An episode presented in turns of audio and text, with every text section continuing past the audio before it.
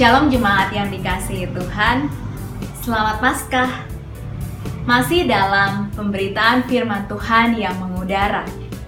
Renungan kita hari ini dari Kolose pasal 4 ayat 5 sampai ayat ke-6. Hiduplah dengan penuh hikmat terhadap orang-orang luar. Pergunakanlah waktu yang ada.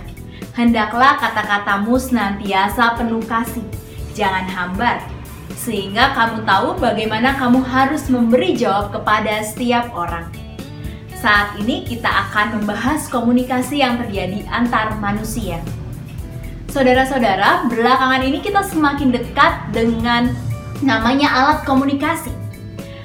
Berapa kali dalam sehari kita menerima pesan ataupun mengirimkan pesan atau menerima telepon melalui gadget kita? Lebih banyak yang kita terima atau yang dibagikan melalui gadget. Biasanya apa saja yang kita terima? Saudara-saudara, ternyata ada beragam tulisan audio, audio visual yang kita terima dan sebarkan. Yang pertama, sifatnya informasi tentang kesehatan, sosial politik, agama. Kedua, cerita. Dapat berupa dongeng, cerita jenaka.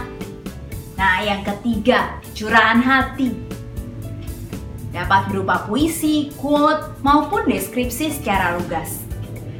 Yang keempat, tentang resep masakan dan langkah-langkah menghadapi situasi dan kondisi tertentu. Topik-topik ini juga yang sedang bersaing dengan wabah COVID-19.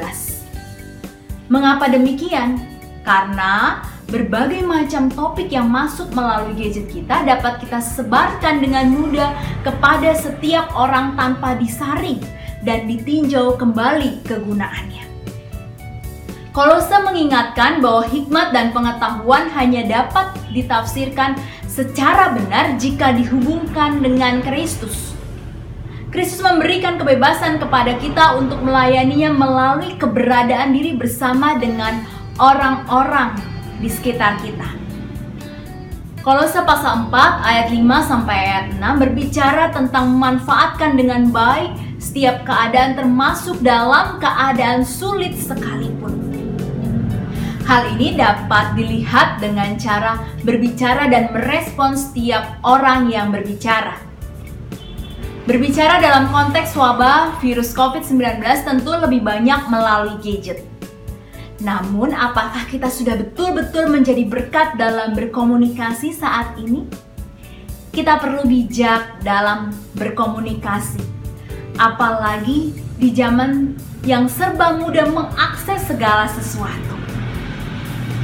Jika mudah terprovokasi dengan topik-topik yang belum tentu dapat dipertanggungjawabkan, maka bukan hanya menjadi bencana untuk orang lain, tetapi juga untuk diri sendiri.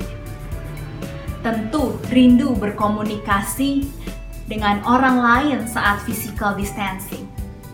Namun, jika ragu terhadap topik yang ingin dibagikan, lebih baik menanyakan kabar mereka dan memberikan kalimat-kalimat motivasi atau berbagi cerita tentang diri sendiri maupun bersama dengan anggota keluarga selama di rumah aja.